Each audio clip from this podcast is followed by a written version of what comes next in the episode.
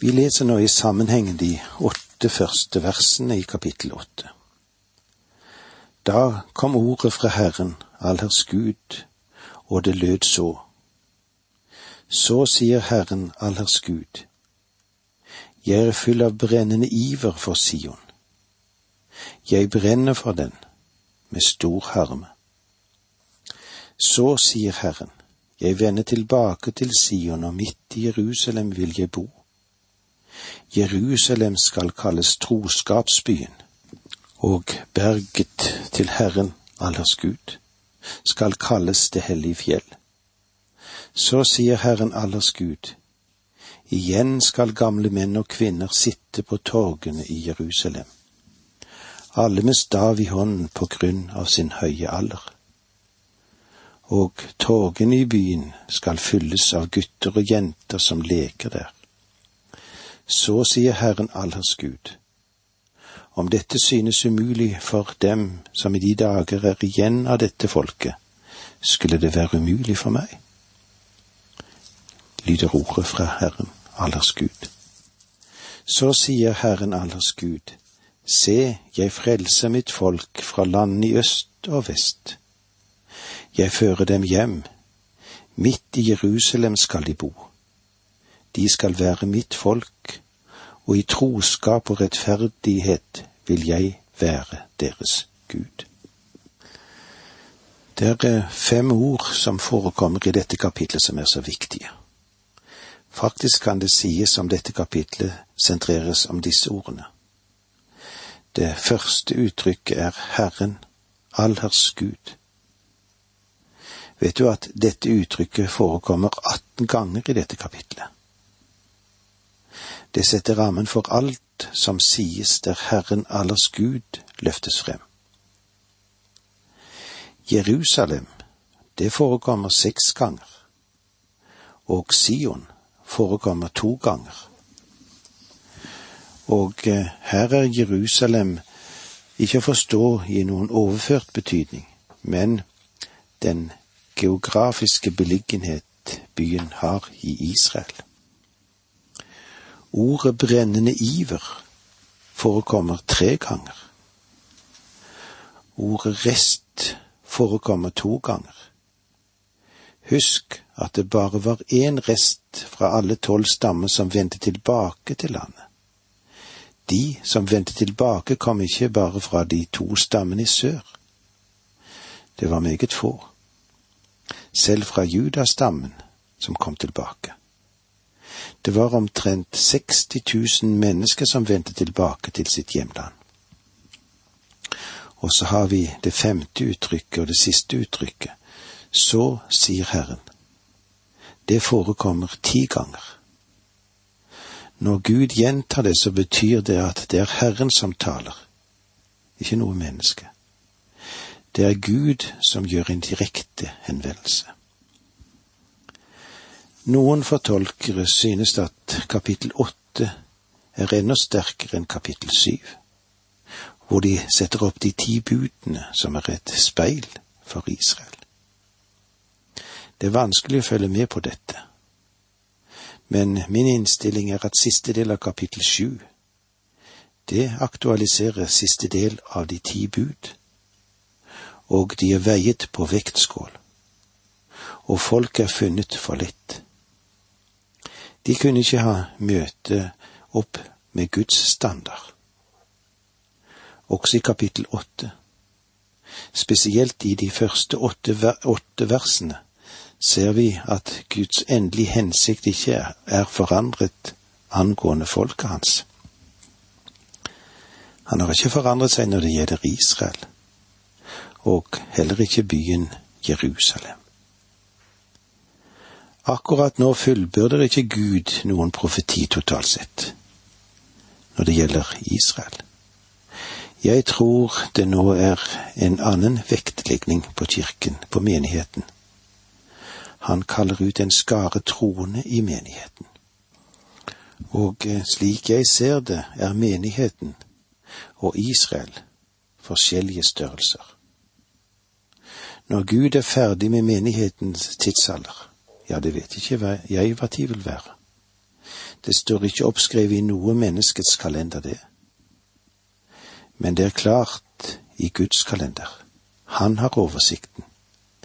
Men han har ikke latt noen få lov å se dette, inn i dette. Guds ord sier oss ikke eksakt når han vil løfte sin menighet bort fra jorden, men når han gjør det, har han enda noe i beredskap for sitt folk Israel. Disse profetiene her i kapittel åtte sier simpelthen at de har vendt tilbake til landet i Zakaria sin tid. Selv om det er en liten gruppe, så er det en modell, et miniatyrbilde for det, den tilbakevending som skal komme i fremtiden.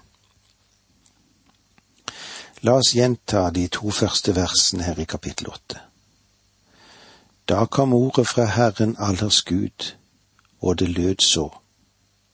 Så sier Herren allers Gud, jeg er full av brennende iver for Sion. Jeg brenner for den med stor harme. Når Gud sier at han har en brennende iver, så er ikke det det samme som menneskets brennende iver, men han har noe av det samme i tankene. Det betyr at han er opptatt av Israel. Gud sier det samme til menigheten i dag òg. Om du går inn i samme situasjon som Israel og tror at du kan leve for verden og kjødet og djevelen hele uken og så tjene Gud på søndag, ja, da tar du skamle feil. Det går ikke an. Gud har en brennende iver for dem som er hans egne. Han har fortalt oss angående synd i våre liv.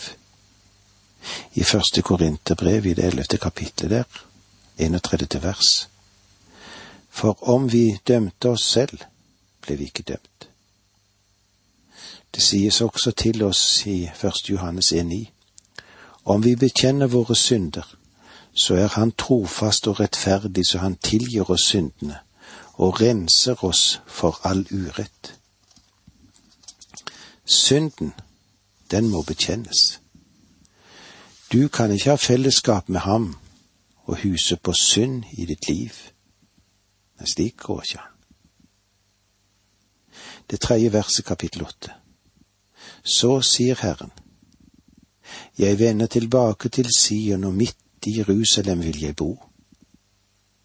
Jerusalem skal kalles troskapsbyen, og berget til Herren allers Gud skal kalles det hellige fjell.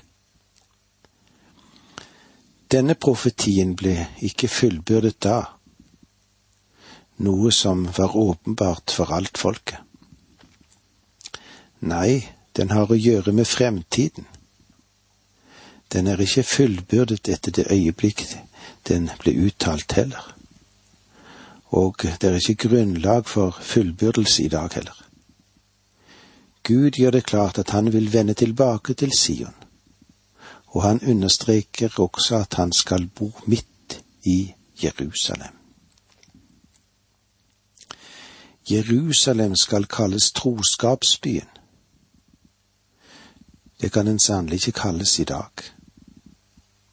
Her er rundskap og renkespill og stridigheter. I dag kan den ikke kalles for en troskapens by. Og berget til Herren allers Gud skal kalles det hellige fjell.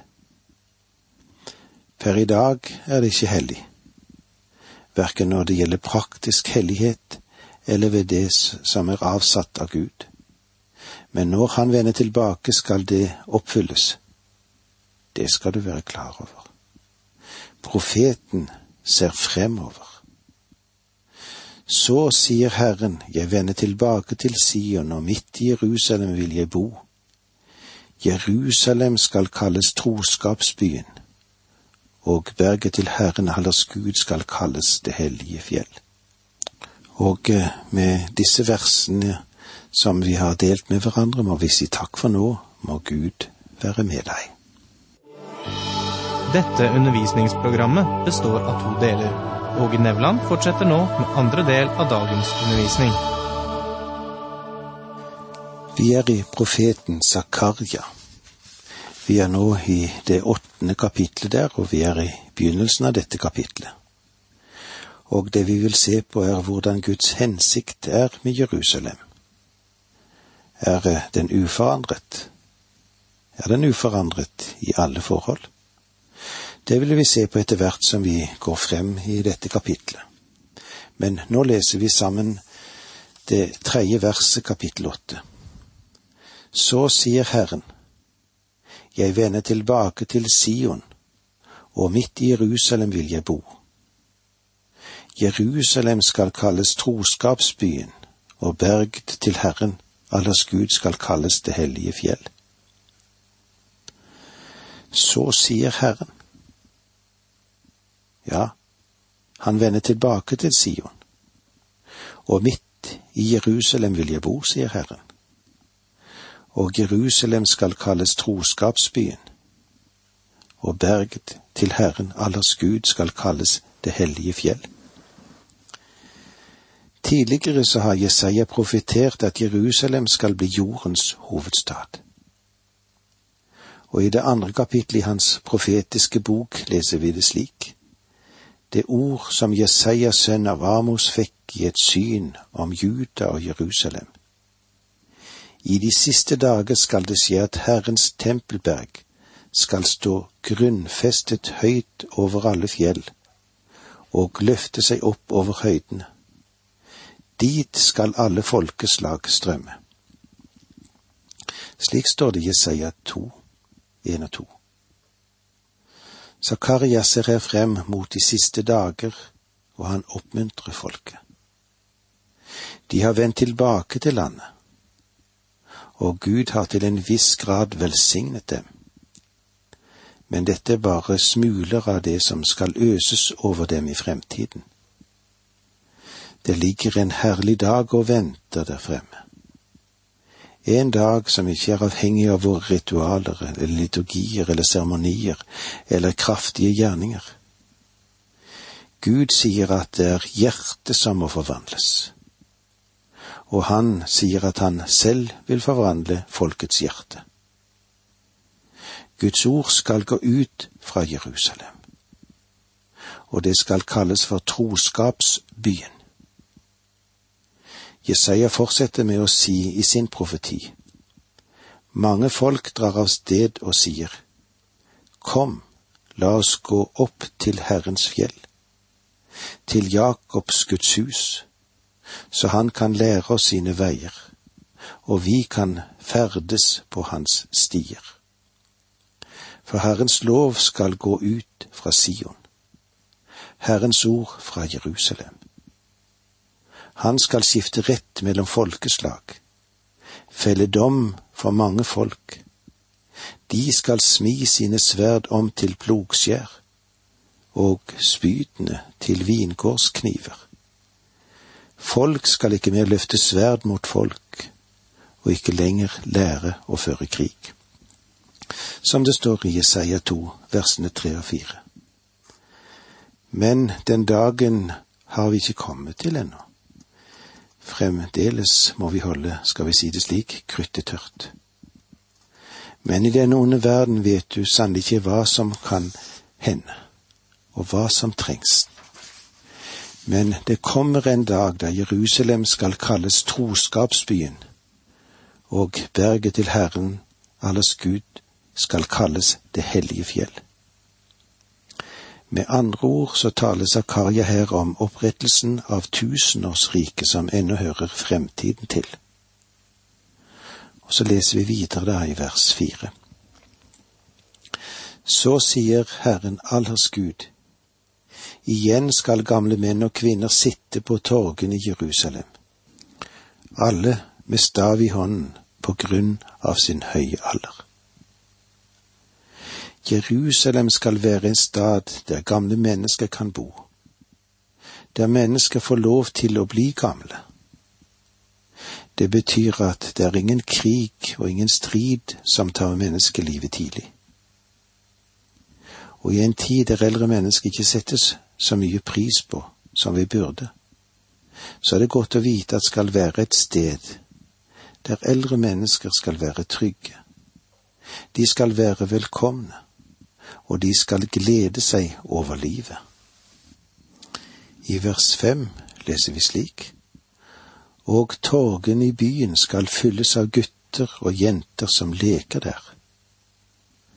Hva forteller det oss? Jo, dette bildet taler også om trygghet, om at barna, de har òg sin sjanse. Her blir det heller ingen generasjonsmotsetninger. Barna, de trenger all den kjærlighet de kan få i denne verden. Og her har vi da et vakkert bilde, ikke sant? Et bilde av de gamle og barna i forening i et rike der fred og trygghet tilhører grunnmelodien. På den tid skal Jerusalem være verdens hovedstad. Jesus skal herske der, og menigheten er hentet hjem og bor i det nye Jerusalem. Kanskje noen ville si, jeg trodde at menigheten skulle være med Kristus. Ja, Skriften forsikrer oss om at menigheten skal være med ham. For hans velde skal fylle alt og være alt i alle. Her vil vi møte en helt ny tilværelse som vi vet forferdelig lite om. Men at vi skal være med Herren, det er sikkert nok, og selve grunnen til gleden, det er at vi kan se frem til den tid når vi skal få være sammen med Herren for alltid. Vers seks Så sier Herren allers Gud, om dette synes umulig for dem som i de dager er igjen av dette folket. Skulle det være umulig for meg, lyder ordet fra Herren, allers Gud. Da denne delegasjonen kom til Jerusalem fra Betel, var de mektig imponert. Tempelet var i ferd med å bygges opp igjen. De fleste av familiene hadde bygget sine egne hjem og det var et anstrøk av vellevenhet i Jerusalem. Det var glede. De sa, du verden, det ser ut til at Gud virkelig har slått til her.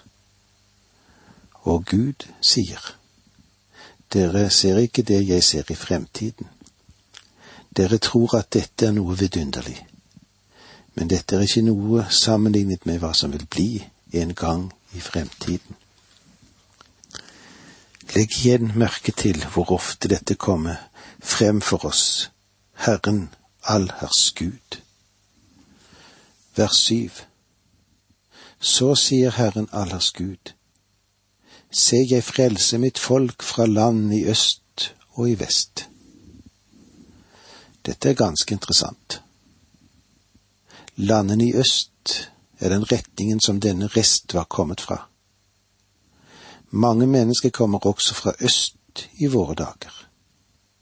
Og jeg har lest om at det er fremdeles mange jøder som bor i Orienten. Gud sier, se jeg frelse mitt folk fra landene i øst og vest. Hvor er landene i vest? Jeg tror at vår del av verden er det som det tenkes på. Det som vi også i dag så populært kaller for og omfatter denne underlige betegnelse Vesten. Også fra vår del av verden skal Gud føre sitt folk tilbake til Israel. Han sier til folket på Zakarias tid. Om dere som tilhører denne rest tror at dere nå ser er vidunderlig, så tenk på hva dere vil se i fremtiden, når jeg samler dem fra landene i øst og fra landene i vest vers åtte. Jeg fører dem hjem, midt i Jerusalem skal de bo. De skal være mitt folk, og i troskap og rettferdighet vil jeg være deres Gud. Jøden er rett forstått, ikke hans folk nå. Kanskje noen vil si, tror du ikke at jødene er Guds utvalgte folk? Kanskje jeg kan sjokkere noen ved å si nei, det tror jeg ikke for øyeblikket. Guds utvalgte folk i dag er den utvalgte generasjon, det er primært menigheten. Peter skriver det jo slik i sitt andre brev i det andre kapittelet, vers ni. Men dere er en utvalgt slekt, et kongelig presteskap, et hellig folk, et folk som er Guds eiendom. Hva taler Peter om? Menigheten, det vil si den samling av troende der både jøder og hedninger er blitt ført sammen og gjort til ett i Kristus. En dag skal menigheten være borte fra jorden, og da skal Gud ha enda et kapittel å skrive for sitt folk, og føre dem tilbake til sitt land i fred. Jeg fører dem hjem, midt i Jerusalem skal de bo. De skal være mitt folk, og i troskap og rettferdighet vil jeg være deres Gud. Og med disse ordene sier vi takk for nå, må Gud være med deg.